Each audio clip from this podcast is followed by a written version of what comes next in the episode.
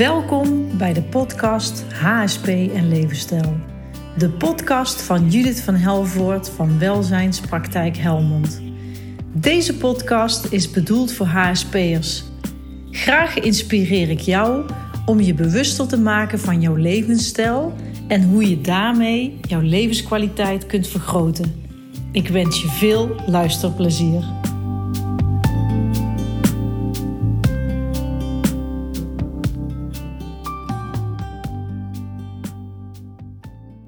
Welkom bij weer een nieuwe aflevering van de podcast HSP en Levensstijl. Vandaag een hele speciale gast. Jullie zien hem al uh, zitten, uh, liggen. Nee, helemaal niet. Het is hem niet live. Het is een foto. Lieve Willem Engel, wil je er alsjeblieft bij komen zitten? Jazeker. Hoi. Hoi. Dankjewel voor de uitnodiging. Heel graag gedaan. Het is een ontzettende bewuste keuze geweest om jou eh, uit te nodigen vandaag heel eerlijk heb ik even de, de chat teruggekeken van ongeveer een jaar geleden. Toen heb ik jou oprecht vanuit mijn hart een uh, messengerbericht gestuurd. Omdat ik jou voor de allereerste keer had gezien in een Facebook live uitzending. En ik had zoveel waardering voor jou. Ik kende je helemaal niet. Maar je stond volgens mij achter een microfoon ergens, eh, ja, ik noem het dan een presentatie te geven. En ik weet nog de eerste keer dat ik dat op mijn HBO-studie deed, dat ik het heel spannend vond. En dat iedereen als feedback gaf: Oh, kom jij uit België of zo? En dat vond ik toen zo niet leuk, omdat ik in Wageningen studeerde, dat ik heel snel de R en de, en de allemaal heb eigen gemaakt. Maar ik praat inmiddels weer gewoon lekker Brabants, omdat ik een Vlaamse vriend ook heb. Maar ik zag jou spreken, Willem, en ik heb de tekst er even letterlijk bij gehaald om ook voor jou even op te helderen. Ik stuurde jou vanuit mijn hart het volgende bericht. Lieve Willem, graag wil ik jou laten weten dat ik enorm veel bewondering heb voor jou. Jij durft echt te kiezen met je hart en ziel en dat maakt mij ontzettend blij. Uh, weer een lichtwerker die zijn zielsmissie heeft gevonden. Tenminste, zo voelt het dan voor mij. ja, nou dankjewel voor dat uh, mooie bericht. En dan eigenlijk nog een keer dat, uh, dat bericht te delen ik denk dat jij uh, gaat, nog gaat, gaat toelichten wat je bedoelt met uh, zielsmissie en lichtwerker. Maar zo op het eerste gezicht kan ik me dan wel helemaal in vinden. Want het was inderdaad het overgeven aan de missie toen dat hele gedoe met corona begon. En ik heb daar geen moment aan getwijfeld. En altijd geprobeerd trouw te blijven aan, aan liefde en waarheid. Wauw. Ja, ik had al zo'n vermoeden. Het kwam zo recht uit je hart. En ik hing aan je lippen, weet ik nog dat ik echt dacht, jee, die man heeft echt, die heeft echt een visie, die heeft echt een, een, een, ding te delen. En je noemt het dan de waarheid inderdaad. En, nou, ja, als ik daarop in mag gaan. Ja, ik noem het dus niet de waarheid, ik noem het waarheid. Ja. De waarheid klinkt heel absoluut en belerend bijna, alsof de ene waarheid wel echt is en de andere waarheid niet echt. Hmm. Nee, waarheid is iets wat wij kunnen benaderen. Uh, het is een ideaal waarnaar we kunnen leven en kunnen streven. Maar we kunnen het niet bezitten. Ja, dat zeg je heel mooi. dat is even de, de, de nuancering die ik daar wil aanbrengen. Ja, vind ik heel mooi dat je dat toelicht. Want ik, ik heb inderdaad nog, nog geen vraag, want ik had echt even voorbereid hoe wil ik je introduceren. Want ik merk dat ik ik wilde eigenlijk niks van je weten. Het klinkt misschien heel lullig, maar ik wilde eigenlijk niks van je weten voordat ik je live zou ontmoeten. Dus we hebben elkaar volgens mij anderhalve maand voor het eerst live in de Zoom gehad. En toen dacht ik, hé, hey, jij ziet er inderdaad hetzelfde uit als op het filmpje. maar, gisteravond zei mijn vriendin heel lief, je moet het wel echt goed voorbereiden, want deze man heeft vaker interviews. En toen, toen ging ik voor het eerst op je Instagram kijken en toen zag ik jouw nieuwe website voor mij dan. En toen dacht ik, oh, nu snap ik jouw opmerking van anderhalf maand geleden. We hadden deze datum gepland. Maar je zei op een gegeven moment, plan technisch is het niet zo handig dat ik naar Brabant kom. En toen zag ik jouw tijdlijn van deze week. En toen dacht ik, volgens mij heb je best een drukke week gehad. Die afgelopen week was, uh, was druk. Eigenlijk sinds ik weer terug ben. Ik ben 8 maart teruggekomen uit Fuerteventura. Ja, en toen was het uh, rechtszaak na rechtszaak. Uh, drie, drie en vier zittingen. Zo. En ehm, ja, uh, nu weer ietsje rustiger. Er zijn er wel allemaal weer spannende dingen. We zijn ook druk bezig geweest met de verkiezingen. Met het, uh, vooral het uh, controleverkiezingen initiatief.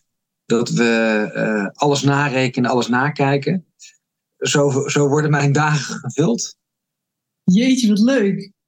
Nou, weet je wat ik, wat ik eigenlijk leuk vind? Want ik heb het dus echt goed voorbereid nu vandaag. En ik wil eigenlijk mijn allereerste vraag aan je stellen. Wat ik voelde als ik jou beter wil leren kennen. Waardoor ontstond bij jou, Willem, de behoefte om uit te gaan spreken in het openbaar? Ja, nou, ik sprak me altijd wel uit in het openbaar natuurlijk. En dat is iets wat, uh, wat voor veel mensen ook die me niet uit de periode voor corona kennen, uh, een beetje als een uh, uh, verwondering is van hoe, hoe kon het dat je opeens in het spotlicht stapte. Ja. Nou ja, ik was natuurlijk al heel veel met, met spotlights bezig als, als danser, met optredens en, en workshops geven over de hele wereld eigenlijk, maar ook veel in Nederland. Daar had ik al ja, wat zal het zijn? Iets van bijna 10.000 mensen via Facebook. Want dat, toen was ik veel met Facebook bezig. Nu helaas niet meer. En op het moment dat de corona-lockdown kwam, mm -hmm. toen ben ik daar direct over een soort blog begonnen. En daar reageerden dus al die mensen die ik al in mijn vriendenlijst had. Die waren geselecteerd voornamelijk op de affiniteit met dansen. Ja, ontstond er een hele levendige discussie.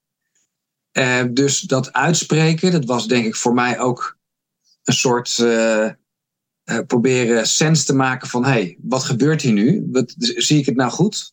dit klopt toch niet? Mm. En daar, daar kwam heel veel feedback op. En er waren heel veel mensen, het waren het er helemaal mee eens. Of veel mensen die hadden al de conclusie getrokken, het, het wordt nog veel erger. En heel veel mensen die, waar ik heel goed mee optrok normaal. Die stonden helemaal aan de andere kant en die vonden uh, de discussie gezondheidsgevaarlijk. En ik zag de, de, eerst de verwarring en daarna de discussie en nog later de polarisatie uh, daarin ontstaan. Mm-hmm. En ik denk dat het half april was. Toen was het voor mij wel duidelijk van... hey, mijn missie is niet zo snel mogelijk verder gaan met mijn dansschool. Mijn missie is om dit te volbrengen. En daar ben ik nog steeds mee bezig nu na bijna drie jaar. Wauw, ja, dit, dit wist ik dus niet. Dit vind ik zo mooi dat je dat deelt. Kan ik het soort, want je zegt 10.000 vrienden op Facebook, was dat in een tijd dat dat nog mocht, want nu is het 5.000 de max? Ja, met, met meerdere accounts. Dus ik oh. had een, privé, een soort privé-account, maar dat ging allemaal door elkaar lopen. Dus het was een dansaccount en een privé-account. En allebei zaten, er, zaten die op iets 5000, zoiets. Maar je kan ook op je Facebook kan je ook weer volgers krijgen. Hè? Dus er zitten ja. weer mensen waarmee je bent verbonden en mensen die jou alleen in de gaten houden. Ja, ja dus van alles. Dus je hebt eigenlijk, wat ik ook heb gedaan, maar dan, ik durfde dat dus niet, dat, dat bewonder ik enorm aan jou. Uh, jij bent op Facebook open gaan gooien van, jeetje, wat gebeurt er nou? We zitten in de lockdown en wat doe jij heel de dag met de lockdown? Zo, ben je zulke gesprekken gaan voeren met jouw Facebook-vrienden dan? Of hoe moet ik dat zien? Ja, mijn, mijn uh, modus operandi van, uh, van discussiëren is meestal een hele stevige stelling erin gooien. Oh ja? Um, dat was ook al voor het corona gebeuren. Daar stond ik al onbekend hoor. Een beetje een bedweter.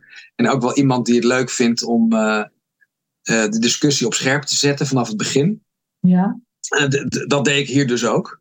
Ik vind het een hele efficiënte manier nog steeds om, om tot een debat te komen. Het enige wat nu anders was, is dat na verloop van tijd, en ik denk dat dat pas echt goed op gang kwam eigenlijk in 2021, mm. Dat het daarvoor wel censuur was, maar dat die polarisatie met, met het prikken, toen werd het uh, echt waanzinnig. En merkte je de, ja, dat het, dat het bijna niet meer mogelijk was. Dat het heel erg dat mensen hun verstand verloren en, en begonnen te schelden. Dus dat ik toen ook echt moest handhaven van ja, maar dit vervuilt de discussie zo. Nu moet ik mensen blokkeren en ja, wat ik dan noem trollenlijsten aanleggen. Dus gewoon een, een, een blokbestand van duizenden accounts die, die eigenlijk de sfeer komen verstoren. Je noemt dat, ik noem dat een zwarte lijst. Dan mocht je vroeger de kroeg niet in. Ja, zoiets. Ja, daar is het mee vergelijkbaar. Ja. De zwarte ja. lijst, dan mocht je niet de kroeg in, omdat je dan een keer had, bonje had geschopt, dan mocht je de zwarte lijst. Maar ja. ik snap, want jij hebt dus gewoon, want Facebook heb ik ook, dus jij deed gewoon de stelling van de dag. Noem eens een voorbeeld dan. Wat, wat deed je dan ter discussie stellen? In het begin nog, zeg maar. Dat ik dat een beetje. Ja, ik, ja het, waar ik in het begin natuurlijk helemaal op los ging, is. Uh, de effectiviteit van de maatregelen, omdat het evident is dat uh, luchtinfecties altijd via aerosolen verspreiden. Dat hele grote druppelverhaal nou, is, is zo'n bizar verhaal. Want jij, hebt, jij hebt biofarmaceutische wetenschappen gestudeerd en volgens mij is dat een term uit die studie, of niet? Uh, ja, ook, maar nog meer uit analytische chemie. Dat was mijn, oh. mijn major, om het zo maar te zeggen. Zeg maar, mijn afstudeerscriptie die ging over uh, uh, bij de, de, vakgroep analytische chemie. Wat later werd omgedoopt tot analytical bioscience, omdat het wel toegepast werd op biologische stoffen. Hè, van, binnen die opleiding farmacie of biofarmacie. Ja.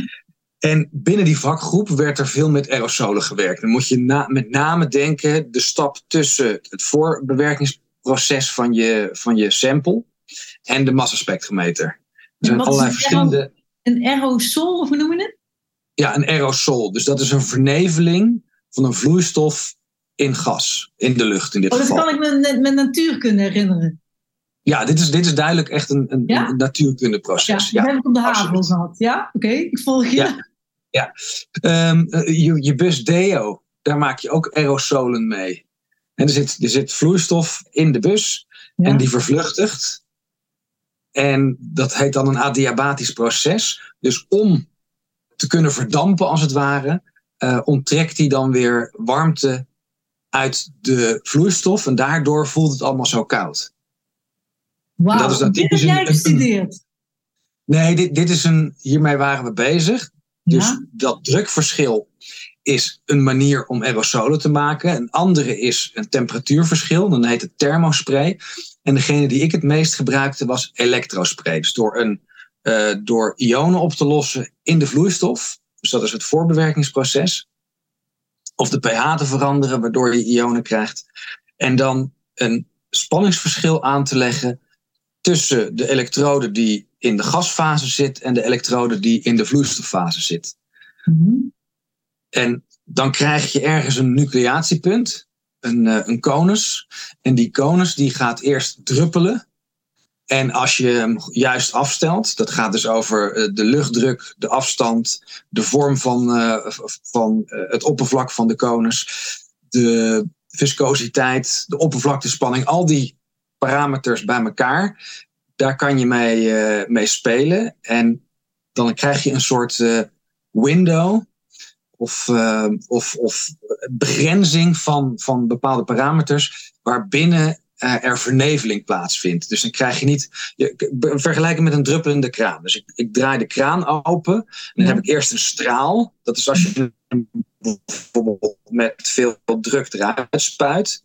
En dan gaat die druppelen totdat die druppel blijft hangen. Nou, in dat tussen de niet-vloeistof en de straal zit een druppelproces.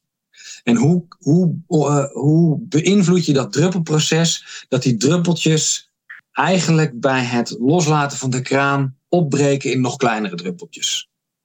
Ik volg dat is een vorm van aerosol maken. Ja, ja, dus dat kan met, met, met drukverschil, dat kan met temperatuurverschil en dat kan met spanningsverschil. Oké. En het idee bij een massaspectrometer is dat je uh, moleculen, en in dit geval natuurlijk biomoleculen, in gasfase brengt en een, uh, een, een, lading moet hebben.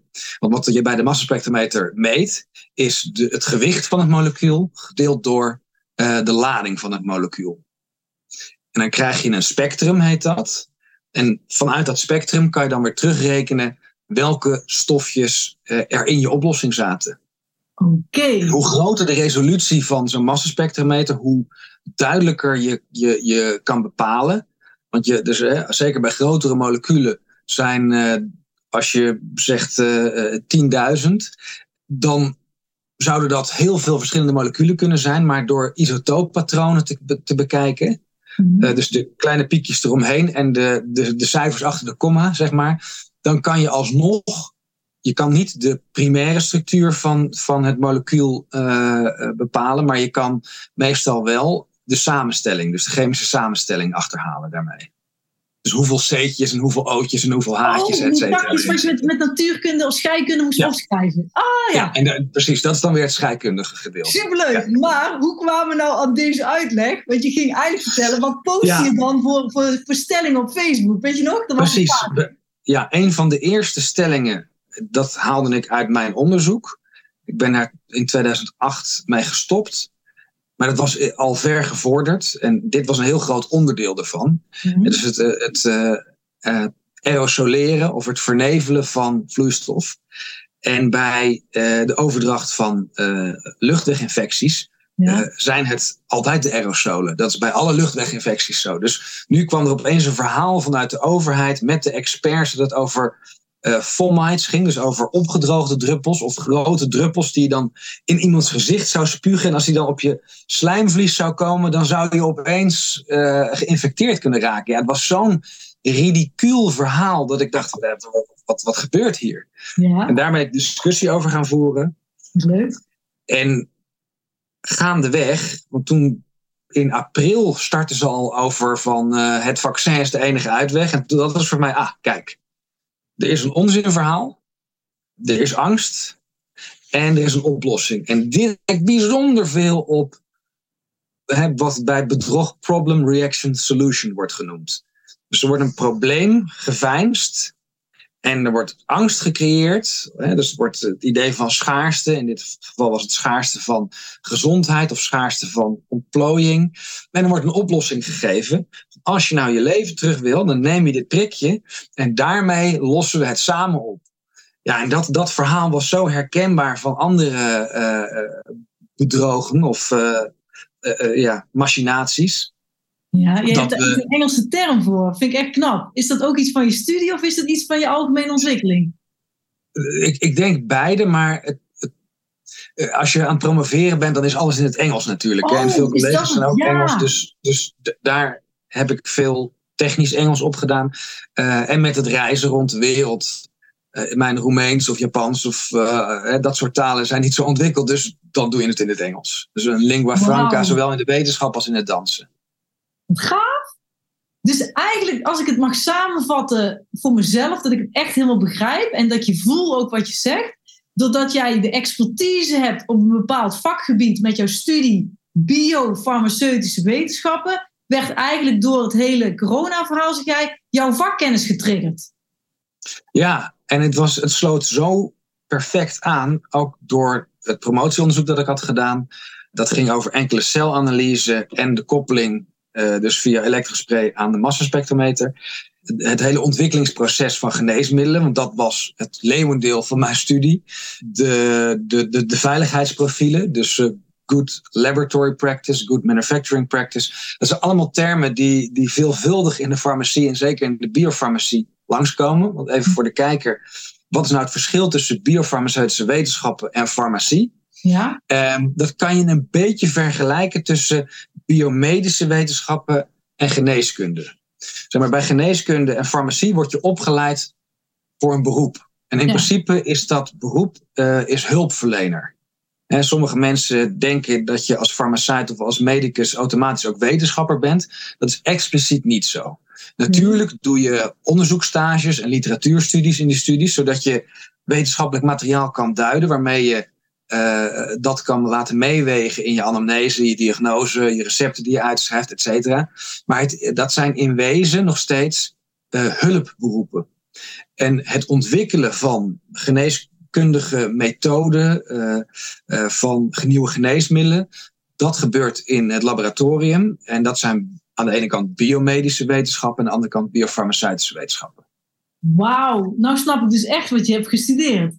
Ja, dus het, het is echt het, het hele proces van ontwikkelen van geneesmiddelen. Dat heb jij gestudeerd?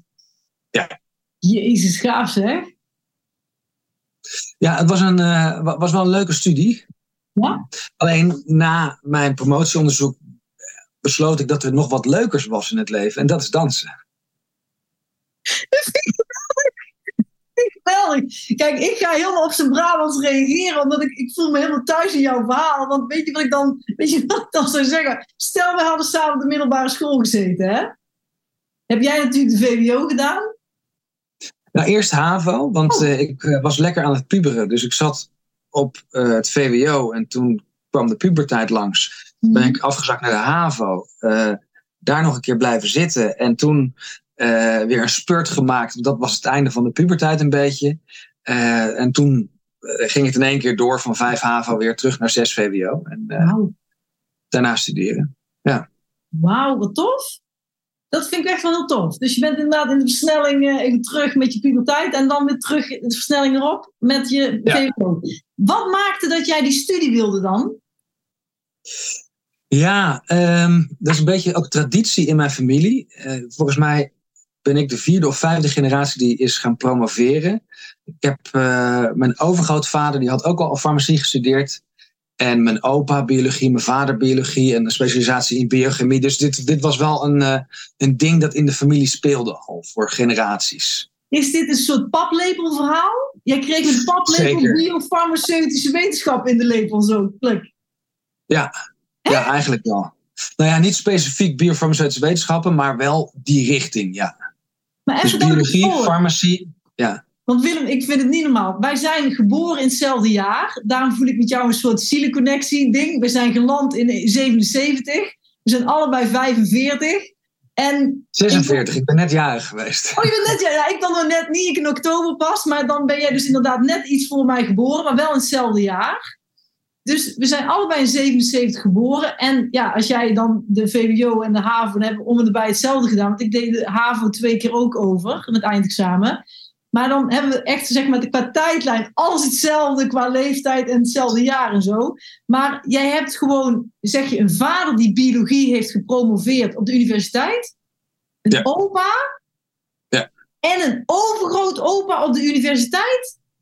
Ja, die hebben allemaal een promotieonderzoek gedaan. Maar ja. dat is in Ja. 1800 die overgrootopa, toch? Nou, nee, niet 1800. Ik denk, ik zal het eens kijken, dat promotieonderzoek zal rond 1900 zijn, zoiets. Ik heb dat rijtje nog wel in de kast staan. En volgens mij zit er daarvoor ook nog, nog een oudere die nog iets heeft gepromoveerd. Dus dit is een, eh, een, een, een traditie, zeg maar, familietraditie om je hiermee bezig te houden. Maar Willem, hadden wij in Nederland al zo vroeg universiteit dat je daar kon promoveren? Ja. Ja, ja, we hadden de eerste universiteit was, eh, was Leiden. En die is nu bijna 500 jaar oud. 500? Dus Leiden is de eerste universiteit, maar zeg maar in die eeuw is volgens mij ook Amsterdam, Utrecht, Groningen zijn ook opgericht. Die zijn ook redelijk oud. Dat zou ik moeten nazoeken. Ja, dus dat is. eh, wij, waren er, zeg maar, in de, in de Gouden Eeuw. Om Nederland tot bloei te komen. Ook onder invloed van de. eh, eh, ja, Renaissance zou je kunnen zeggen. En, eh, en Reformatie. eh, ontstond er los van de kerk. ontstonden er kennisinstituten. Maar als je dan naar Italië gaat, dan heb je universiteiten van duizend jaar oud bijna. Nou, dat vind ik zo grappig. Ik heb gestudeerd aan de VU in Amsterdam. Mhm. En ik moet je heel eerlijk zeggen, mijn puberteit was volgens mij wel al voorbij. Maar ik heb dat gedaan en ik heb helemaal niet uitgezocht hoe oud die school was. Want ik vond het gebouw vond ik ouderwets en ik, ik was daar zo niet mee bezig. Maar jij, maar, jij, maar jij hebt in Leiden gestudeerd, of niet? Ik heb in Leiden gestudeerd en Leiden is heel trots op dat ze de oudste universiteit zijn en dat ze heel veel mensen eh, hebben gehad die Nobelprijzen hebben gehad. Dat is allemaal een beetje vergane glorie, maar je moet bedenken dat zeker Leiden qua natuurkunde rond de eeuwwisseling was dit het centrum van de wereld. Wereld? Einstein, Einstein heeft ook nog een tijdje in Leiden zijn, eh, een postdoc gedaan.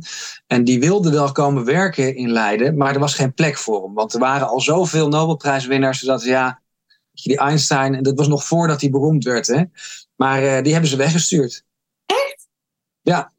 Maar Einstein, waar is die ooit geboren? In- Uit de UK of zeg je nou iets heel doms? Nee, nee, nee. Einstein is volgens mij in Duitsland geboren. Oh ja, Einstein. En die is in Zwitserland, eh, heeft hij het grootste gedeelte van zijn leven geleefd. Ja. En eh, uiteindelijk is hij inderdaad naar de Verenigde Staten gegaan. Heeft hij daar meegewerkt aan het Manhattan Project. Ehm, dus de, de, de- en hij is Joods, dus er wordt, wordt constant worden grapjes gemaakt over wat hij dan is. Is hij Joods? Is hij Duits? Is hij Zwitsers? Is hij Amerikaans? Oh.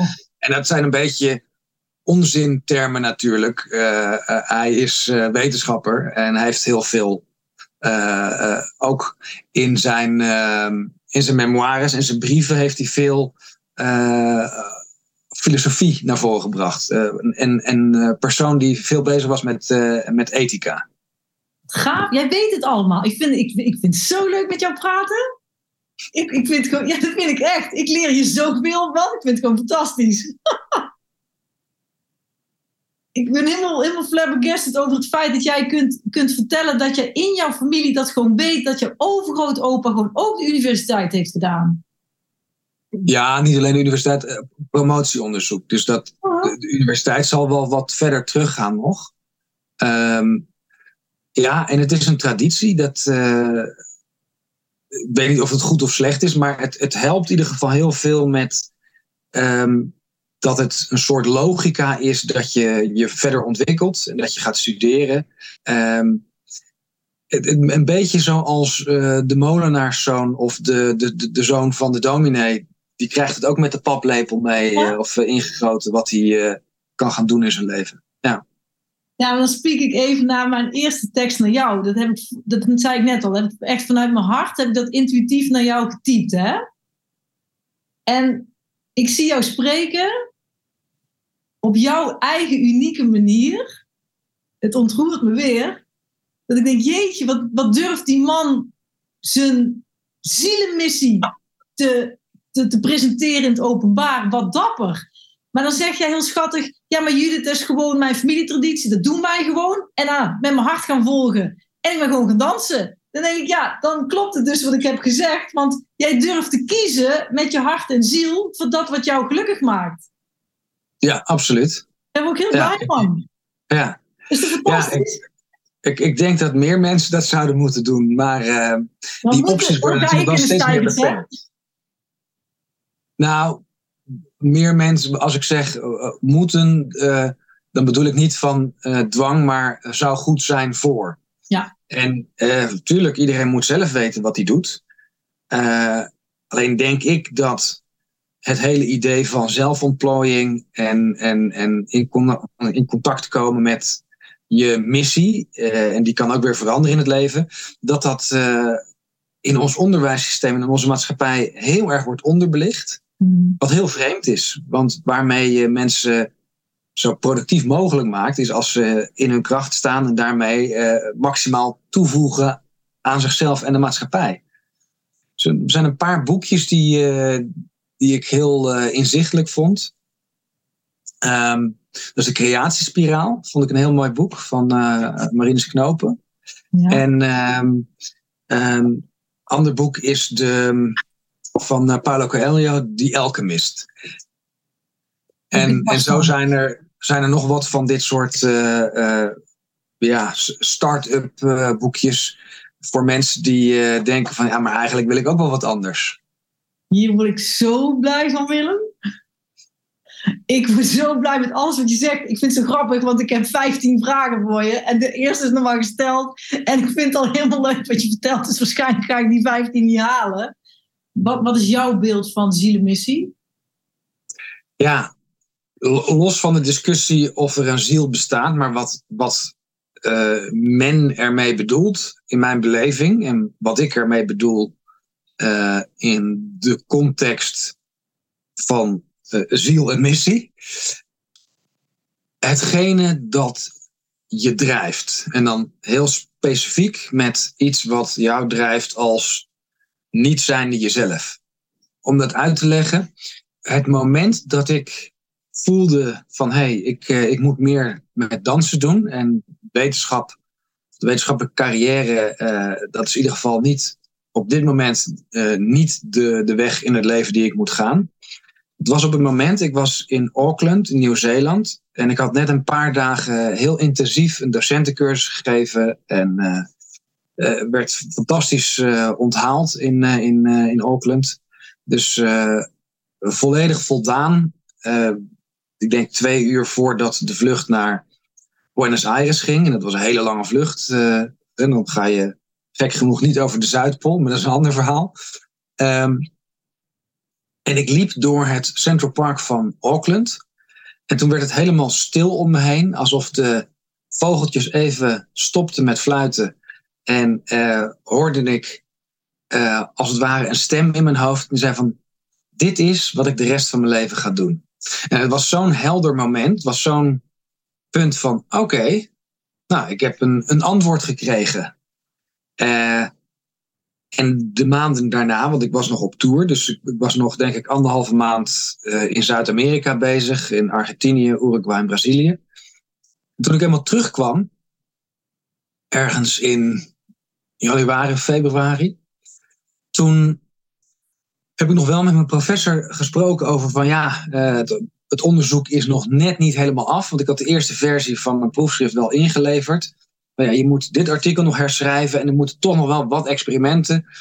Hij zei drie maanden. Ik denk in realiteit dat het misschien nog een half jaar, misschien zelfs wel een jaar had gekost om het helemaal af te maken.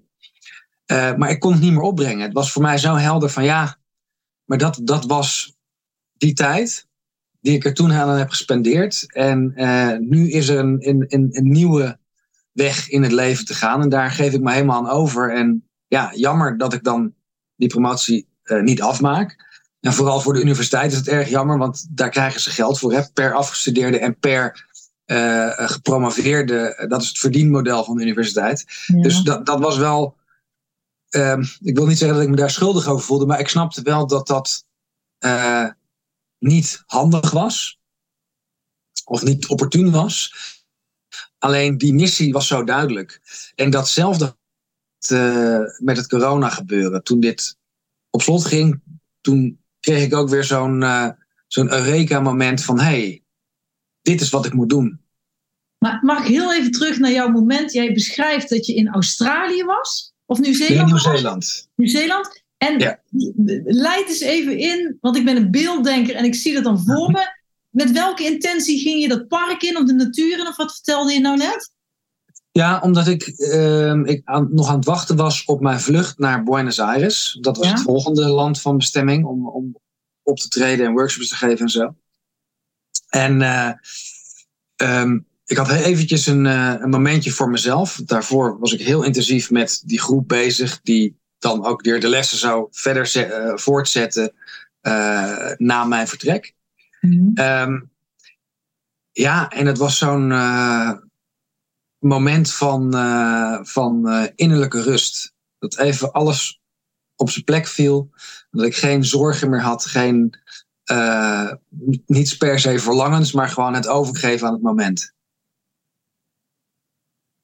En toen voelde je? Alsof er een, een, een stem in mijn hoofd sprak. En bedoel, het was niet uh, uh, schizofreen of zo, dat er een andere stem in mijn hoofd sprak. Maar uh, ja, dat je jezelf een, een levensvraag antwoord op vindt. Dat gebeurde er toen. En dat was uh, verrassend, maar wel heel helder, heel duidelijk. En jij voelde dus van binnen, dit is wat ik de rest van mijn leven ga doen. Het dansen bedoel je dan, hè? Ja, ja. Want ik begrijp dat in de tijdzone waar je het over hebt, toen je in Nieuw-Zeeland was, dat je naast je studie in Leiden al dansen deed? Nou, ik, ik ben in 2001 afgestudeerd. En in dat jaar ben ik ook begonnen met dansen. Dus ik heb mm-hmm. tijdens mijn studie was ik niet veel bezig met dansen, eigenlijk daarna. Tijdens mijn promotieonderzoek uh, ben ik gaan dansen in 2000 of 2001. En in 2003 werd dat een, een, een, serieuzere hobby. Toen ben ik ook gaan lesgeven daarin. Maar dat was vooral part-time. Dus weekend bestond uit uh, zaterdagen trainen, optreden en zondagen lesgeven. En dan door de week weer verder met uh, promotieonderzoek. Tot 2007, 2008. En toen had ik op een paar trips naar de Verenigde Staten, waar ik congressen had voor dat onderzoek. Um, had ik ook een, een stop over gemaakt in New York bijvoorbeeld. En daar uh, workshops gegeven. Uh, en dat beviel zo goed dat ik dacht van, nou ja, uh, ik hou van reizen. dat kan dus ook via dansen, kan je ook een heerlijk leven hebben en precies doen wat je, wat je hartje ingeeft. Ja. ik denk wat heel, erg meespeelde, ja, wat heel erg meespeelde is dat het, het, het werk in een laboratorium wel echt een soort monnikenwerk is, eh, solistenwerk. Natuurlijk heb je collega's, maar die zijn ook weer met hun onderzoek bezig. Dus in de pauze dan wissel je wel wat uit. Maar ja, om nou te zeggen, een, een sociaal enerverende of inspirerende omgeving, dat zou uh, een leugen zijn. Ja. Ja. En hoe kwam dan dansen op je pad? Door uh, mijn toenmalige vriendin. Die was helemaal gek van dansen. Dus die heeft me eerst meegenomen naar capoeira. En toen we samen in Brazilië aan het reizen waren. Um, toen hebben we ergens verhol gedanst. Een verhol, dat is, dat is de, de grootste partnerdans in, uh, in Brazilië. Dat schrijf je F-O-R-R-O. Ja. Um, dat, nou, dat, dat beviel ons heel erg. En terug in Nederland gingen we dus op zoek naar ja, waar kan je verhol dansen. Maar uh, dat kan bijna nergens. Maar je kan wel salsa dansen op veel plekken in Nederland.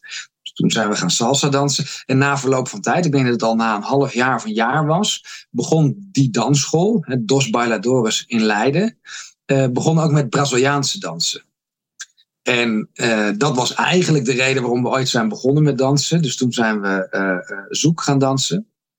En eerst ook nog wel samba en axé, dat zijn andere Braziliaanse dansen. Alleen al heel snel werd het een, een soort topsport. ja, en was het voornamelijk Braziliaanse zoek. Wauw. Dat is bijzonder. En dan volg je dus je intuïtie, je hart. En je denkt, nou, samen met mijn vriendin dansen is fantastisch. Maar dan heb je dat moment in Nieuw-Zeeland waarbij je dan voelt op een dieper level. Want je noemt het dan de stem. Ik noem het dan het innerlijk weten of zo. Alsof je ziel praat, maar dat kan helemaal niet, want die kan niet praten. Maar dat je dus een soort gevoel krijgt met een stem of whatever je het noemt. Dat je tegen jezelf zegt, ja maar Willem, dit is het. Je gaat gewoon lekker dansen en genieten van het leven. Dat is wat je beschrijft. Ja, klopt. Wow. En, en tussen dat punt en uh, die beslissing het punt van uh, ontdekken wat dansen is en uh, beslissen dat mijn leven aan het dansen gewijd wordt, zat natuurlijk wel van allerlei ja, gebeurtenissen. De, de relatie die ik had met die vrouw waarmee ik het dansen leerde kennen ging uit. dat had ook een bepaalde rol erin. Dus alles leidend tot dit punt. Wauw ja, dan terug te komen op jouw vraag, Judith, wat versta ik dan onder zielenmissie? Ja, dit wat jij beschrijft. Dat je een soort innerlijk weten hebt, een drive, ja, met je hart kiest voor datgene waar je blij van wordt. Ja. Want, want ja, mijn. En, ja? Of dat nou, hè, en daarom zeg ik van ja, zielenmissie, wat ik daarmee uh, expliciet niet bedoel, is de, de nauwe definitie van een christelijk geloof of een ander geloof van wat een ziel is. Nee, het gaat over dat je met eh, eh, spreekwoordelijk met ziel en zaligheid je kan overgeven aan datgene wat jou gelukkig maakt. Ja, maar zo bedoel ik hem ook. Want ik vind het zo leuk. Jij begint heel wetenschappelijk namelijk te, ja, je hebt een ziel, maar dan blijf ik weet niet wat je precies zei, dan luister ik dan terug op de podcast, maar dat je zegt, ja, je kunt over ziel discussiëren wat het precies is natuurlijk. Ik denk, oh ja, ook, dat is heel wetenschappelijk benaderd, jouw, jouw reactie. Vind ik leuk. Ja, zo heb ik ook wel danslessen gegeven hoor. Ja? Uh, heel analytisch. Uh, echt proberen te doorgronden van uh, hoe leren mensen het het beste aan. Wat zijn de primaire eerste stappen die je leert als je danst. Um, en een, een, leidraad voor mij daarin is ook wel Rudolf Laban geweest. Dus voor de mensen die dansen interessant vinden, er is ook een danswetenschap. En een van de, van de goeroes daar is Rudolf Laban. Oh, is dat een Nederlander? Nee, is een Duitser. Oh, ik, ik ben niet zo goed in Duits hoor je wel. Ik denk Einstein komt ook in ja, Duits. Maar er zijn twee instituten, één in Duitsland en één in Londen, die, die zijn aan hem gewijd. En daar uh, kan je zijn uh, uh, methode studeren. En hoe heet hij, zeg je? Laban heet het. De Laban-methode. Dan heb je ook een Laban-notatie. maar dat is meer als je de wetenschap achter het dansen wil weten of achter het bewegen. Um, maar dat, dat was wel een rode draad. Want met partnerdansen gaat het natuurlijk veel meer om het sociale gedeelte. En niet zozeer om uh, uh, de virtuositeit die je bij moderne dansen, ballet uh, nastreeft. Um, ja, dat eigenlijk. Leuk. Vind ik echt leuk. En dan kom ik eigenlijk, als jij zegt zielenmissie net, hè, kom ik eigenlijk bij het andere stukje wat ik ook jou typte de allereerste keer. Um, heb jij het gevoel dat jij een lichtwerker bent? Mhm. Kijk, het plaatje achter me, dat, dat laat het een beetje zien. Dat is een, uh, een geanceneerde foto van, ik laat hem nog eventjes zo zien. van uh, Bas Jongerius. Een, oh, ik maak even een foto van, want ik heb natuurlijk met de podcast, kan ik natuurlijk niet zien, kun je dat niet zien. Wacht even, dan doe ik even een foto zo. En dan even, ja, dat is leuk. Um, die ook dat idee had, als een uh, soort uh, stralen. Zon, nou ja, zon staat voor, voor leven, voor warmte, voor waarheid. Um, dus ja, lichtwerker, ja, ik, ik, ik, gebruik die term zelf niet, maar ik snap wel wat daarmee wordt bedoeld. En de anekdote die ik daarbij het meeste vind passen, is een van de denk de eerste keer dat ik uh, een uh, ayahuasca-ceremonie meedeed. In, um, in Vierakker was dat. Um, toen lag ik daar en het begon net te werken. En uh, kwam ik weer eventjes in een analytische modus uit. En ik zag de verzorgers daar rondlopen en voor iedereen zorgen. En ik kreeg heel sterk het gevoel uh, van, oh, wat fijn. Ik hoef het niet te doen. Oh, gaat het nog goed? Want ik zie mezelf een beetje...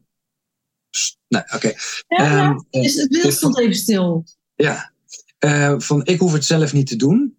En een tweede is van, hey, dit doe ik dus normaal. Een derde is van, oké, okay, wij zijn eigenlijk hetzelfde. Het zorgen voor mensen en heel specifiek um, uh, veiligheid geven of, of erkenning geven um, helpen uh, om uh, de hulp geven aan mensen om hun eigen levenspad en ontwikkeling uh, te bewerkstelligen. Dus niet zozeer aan de hand meenemen, maar laten merken: ik ben er. Ik kan je deze set van vaardigheden leren.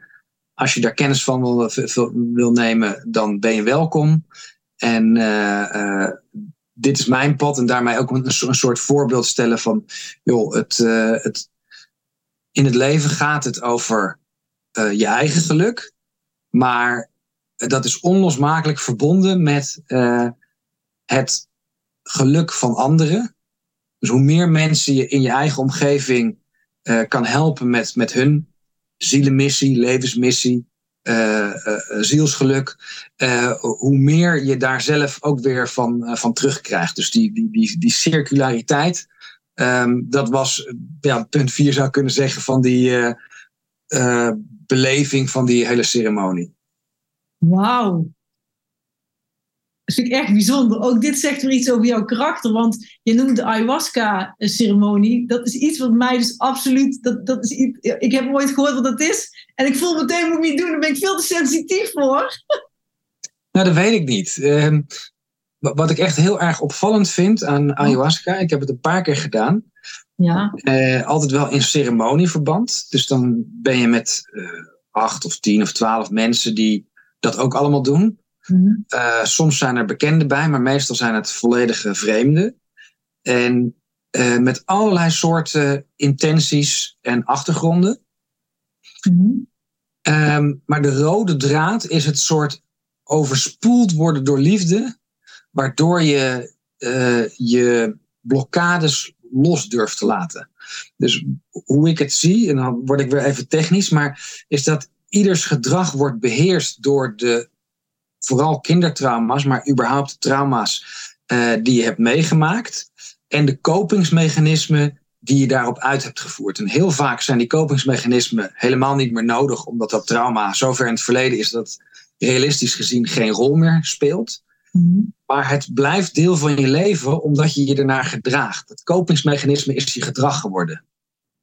En wat ik zie is dat je um, ten eerste krijgt waar je aan toe bent. Dus als je die kopingsmechanismen nog niet los kan laten, omdat dat gedeelte wat ze compenseren of wat ze afschermen aan, aan, aan pijn of, uh, of angst, uh, dat, dat, nog niet, uh, dat het nog niet rijp is, om het zo maar te zeggen, mhm.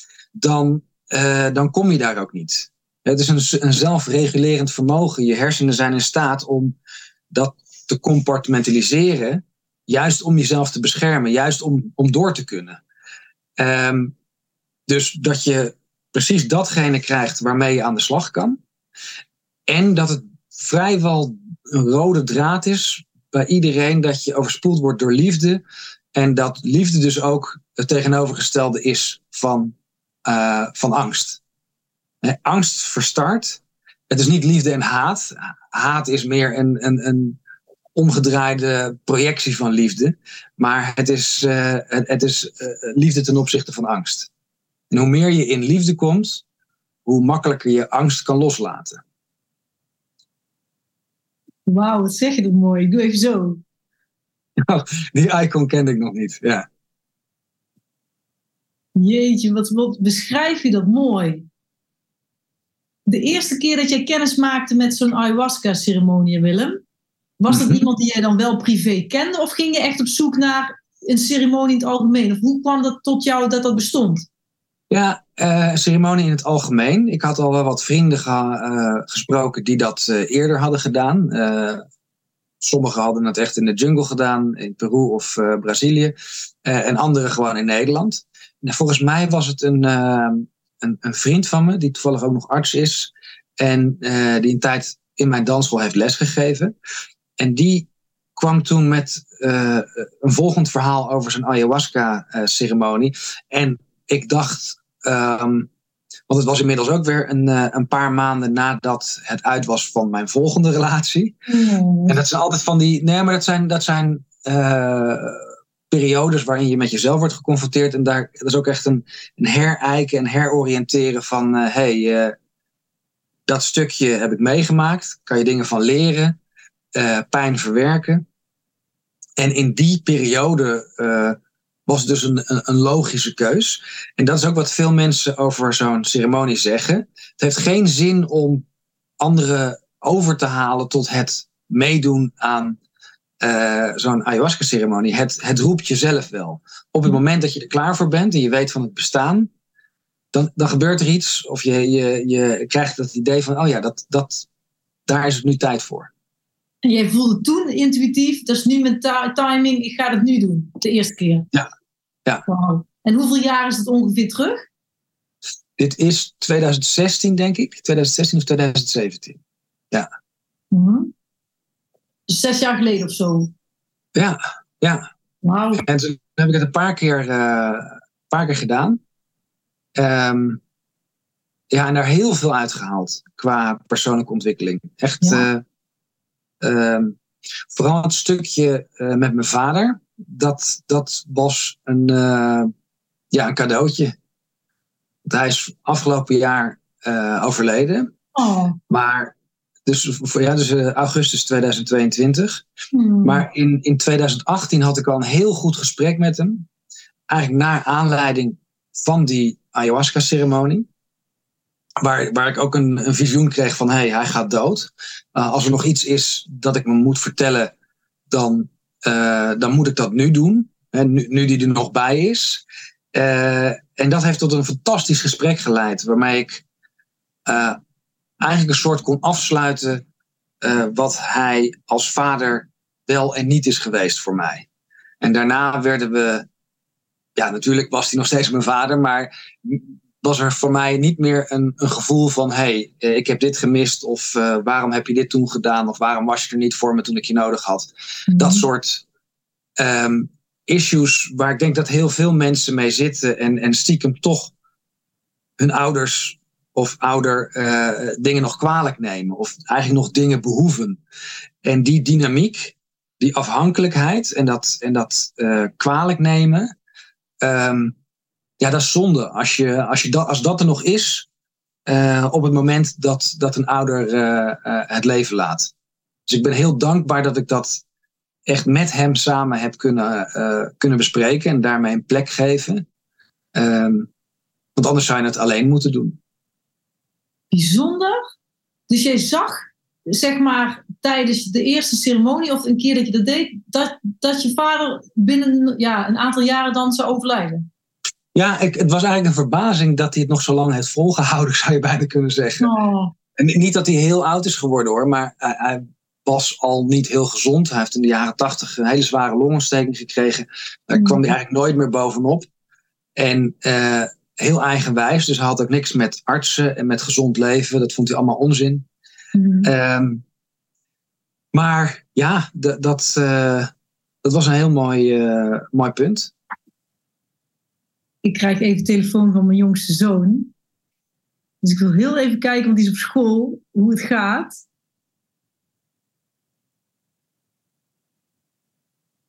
Want ik had gezegd dat ik aan jou aan het zoomen was.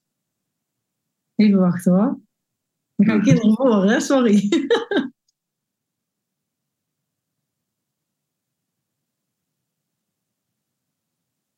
Mag ik heel even pakken, Willem? Want hij belt voor de tweede. Natuurlijk. Ja, ja Het is niet hey, live. Dus... mama. Ja, ik zit nu in de Zoom, lieverd. Ben je op school nog? Oh, schatje, dan gaan we dat straks oplossen samen. Goed? Nu niet, want ik zit nu in de Zoom, maar straks wel. Ehm, ik ben tot uh, half drie in de Zoom, lieverd. En dan kan ik je weer terugbellen. Is dat goed? Denk ik wel, denk ik wel. Ik ga je dadelijk bellen, goed? Om half drie. Goed? Dag liefie. Ja, dat is prima, schatje. Dat is prima. Dikke knuffel, tot zo. Doei, schatje. Doei, doei. Hij is 14 en ja, hij zit in het tweede jaar van de middelbare school, maar ik, ja, schattig. Of ik hem straks kom ophalen met zijn studieboeken, want het is te zwaar met fietsen. schattig. Ja. Oh, heerlijk. Maar het raakt me wel, jouw verhaal met jouw vader, zeg. Want ja, ik, wat dat betreft ken ik je natuurlijk helemaal niet. En dan vertel je dat je papa gewoon vorig jaar is overleden.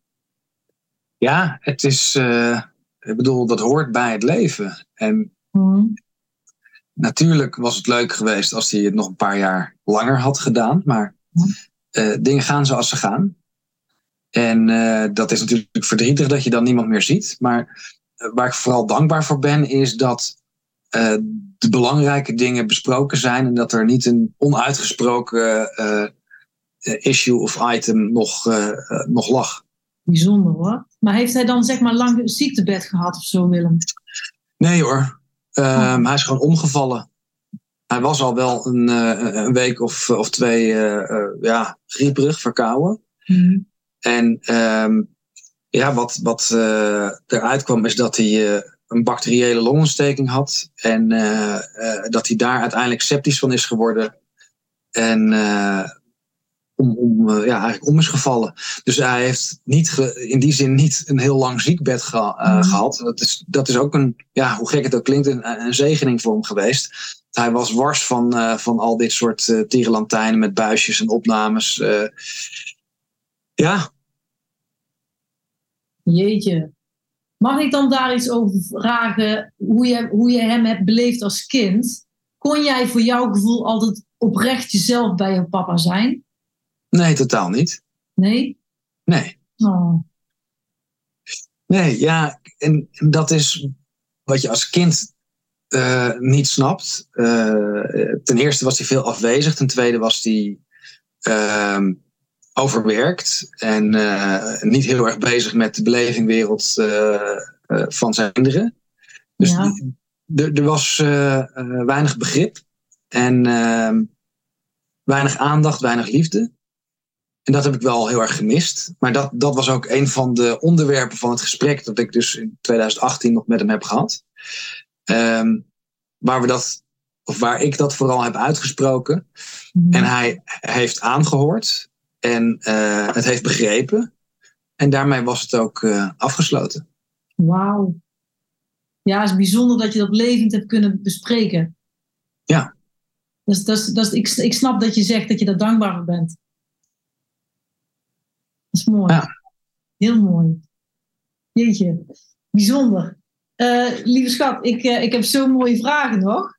Um, in hoeverre heb jij het gevoel dat je in contact staat met jouw ziel, als ik daar toch weer over mag beginnen? Zeker, dan ga ik toch een poging doen om het uh, enigszins te duiden. Um, ziel in, in bredere zin, dus niet per se religieuze zin. Mm voor mij is dat uh, alles wat je bent en meer. En dat is een beetje een cryptische omschrijving. Maar als ik kijk naar in welke bewustzijnslagen wij de mens en ikzelf ehm, besta. Dan hebben we mhm. natuurlijk het, het hele fysieke. En zou je kunnen zeggen, uh, instinct. Hè? We, worden gedreven door instinct, maar dat is zeker niet alles. We zijn toch wezenlijk anders dan veel dieren. En zeker als je naar hogere zoogdieren kijkt, dan zit daar ook nog allerlei sociale programmering in. Um, een, een soort moraal. Uh, we hebben cultuur en dan kom je bij het intellect. Dus je hebt instinct, intellect. En daartussen zit uh, uh, intuïtie. En ik denk dat intuïtie een, een, al een heel groot ehm, onderdeel is van, van wie je echt bent. Dus niet alleen maar waarmee je identificeert cognitief of mhm. wat je primaire reacties zijn. Want dat zijn natuurlijk twee uitersten van wie de, de karakteristieken waardoor je bepaald wordt. Uh, maar je intuïtie is denk ik toch het meest leidende in waarmee je grote beslissingen maakt. Ook al zijn veel mensen zich daar niet van bewust, die denken dat ze het heel erg reactief doen of juist heel erg cerebraal. Ik, daar geloof ik niet in. Ik denk dat uiteindelijk heel veel mensen op intuïtie kiezen. En wat, wat de ziel dan is, is het overkoepelende.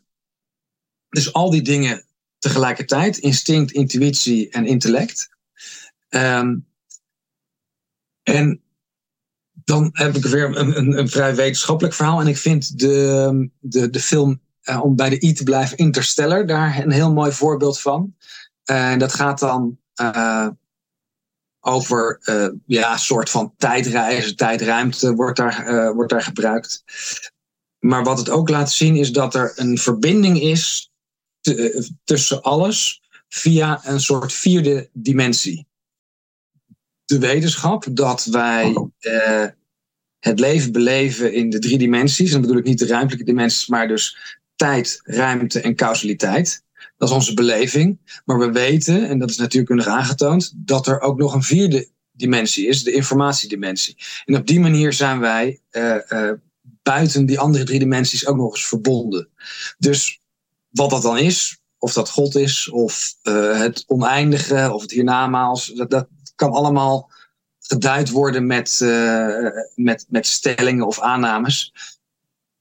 Ik denk dat dat niet eens zo relevant is, maar wel de realisatie dat die drie aspecten van ons leven uh, niet volledig zijn. Dat daar nog iets groters omheen zit. En dat is voor mij de ziel. Wauw, wat omschrijf je dat wonderlijk. Ik word zo blij van jouw manier van praten. Jij bent, ik vind jou een soort alchemist, als we dan in de termen blijven van je mooie boek, een alchemist met woorden. Jij hebt een filosofische kant waar ik zo blij van word. Jij weet uh, energetische processen te verwoorden in wetenschappelijke taal. Dat ik denk, jeetje Willem, wat ben je, wat ben je een mooi mens. nou, dankjewel. Ja. Het smaakt echt naar meer. En ik weet dat jij ook een tijdskader hebt dadelijk thuis. En uh, ik wil eigenlijk op zo'n fijne manier afronden, terwijl ik voel dat ik nog 110.000 vragen voor je heb. Um, dat is toch geen probleem? Dan doen we een deel 2. Ja, lijkt me echt heel erg leuk. Lijkt me echt heel erg leuk.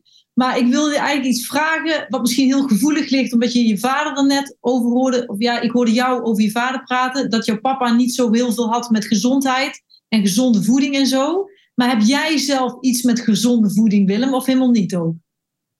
Nou, het is niet zo dat hij er helemaal niks mee had, maar mhm. ehm, hij vond het voor zichzelf niet zo belangrijk. Eh, kijk, hij was bioloog, dus uh, vitamine D en dat soort dingen, daar was hij wel van op de hoogte.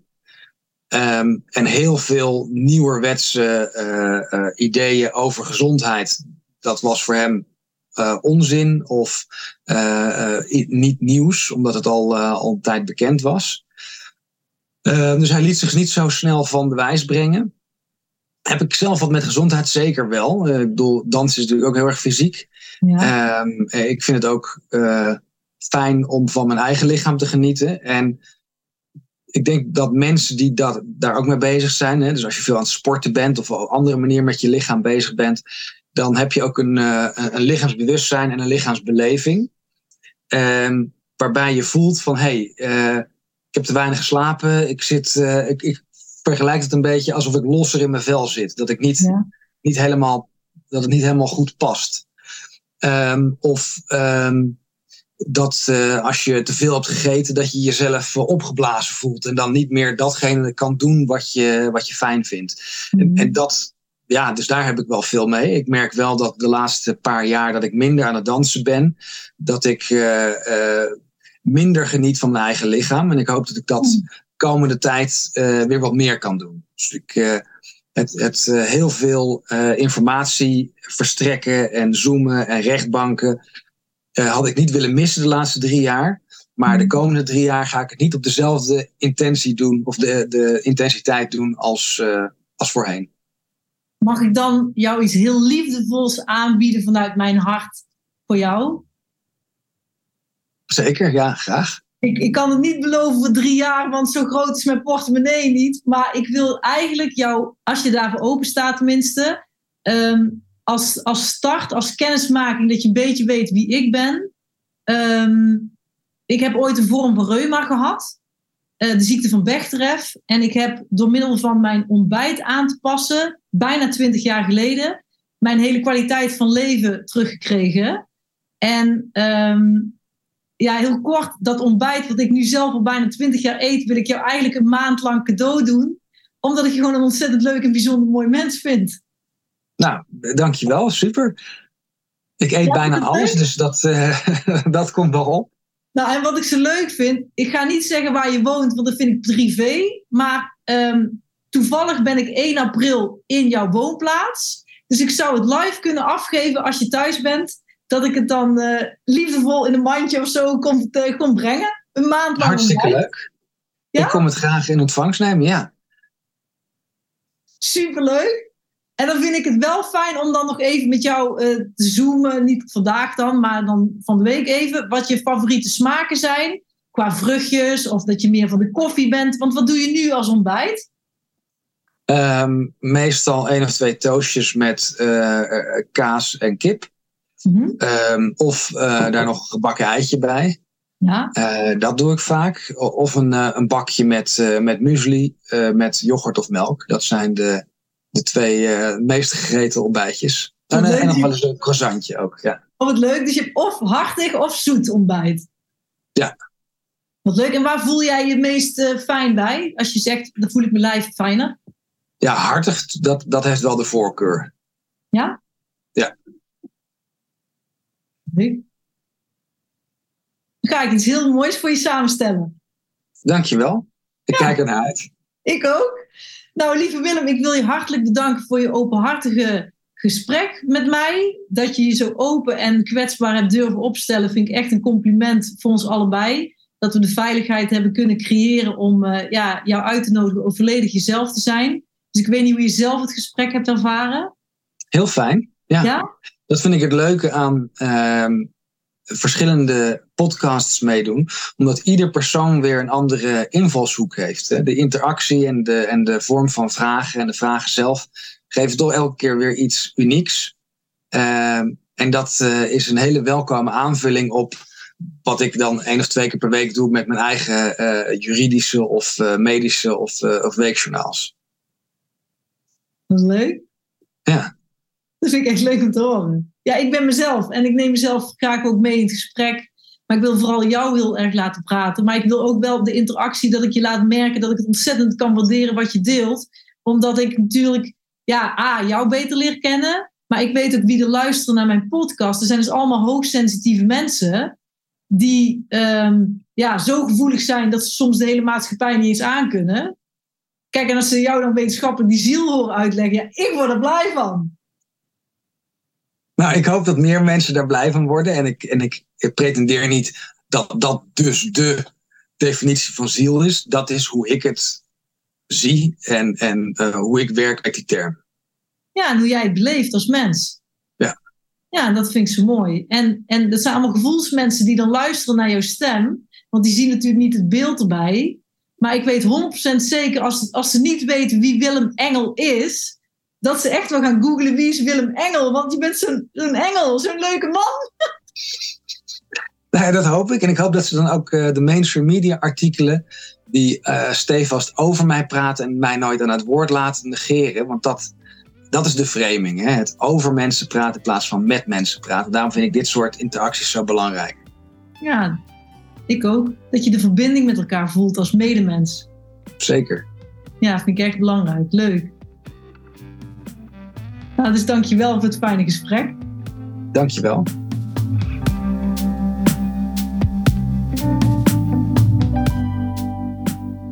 Leuk dat je hebt geluisterd naar de podcast HSP en Levensstijl. Abonneer je op deze podcast zodat je zeker niets meer hoeft te missen. En als je het leuk vindt, zou ik zeer waarderen, mag je een review achterlaten met daarin een reactie hoe je deze podcast hebt ervaren. Je kunt me vinden op de website welzijnspraktijkhelmond.nl. Daar kun je het contactformulier invullen mocht je een reactie willen. Je kunt me vinden op Facebook onder de naam Judith van Helvoort. En Helvoort schrijf je met O-I-R-T. En op Instagram ben ik te vinden onder de naam Judith, streepje aan de onderkant van, streepje aan de onderkant Helvoort, H-E-L-V-O-I-R-T. Ik wens je nog een heerlijke dag toe of een hele fijne avond. En wie weet tot gauw. Dag!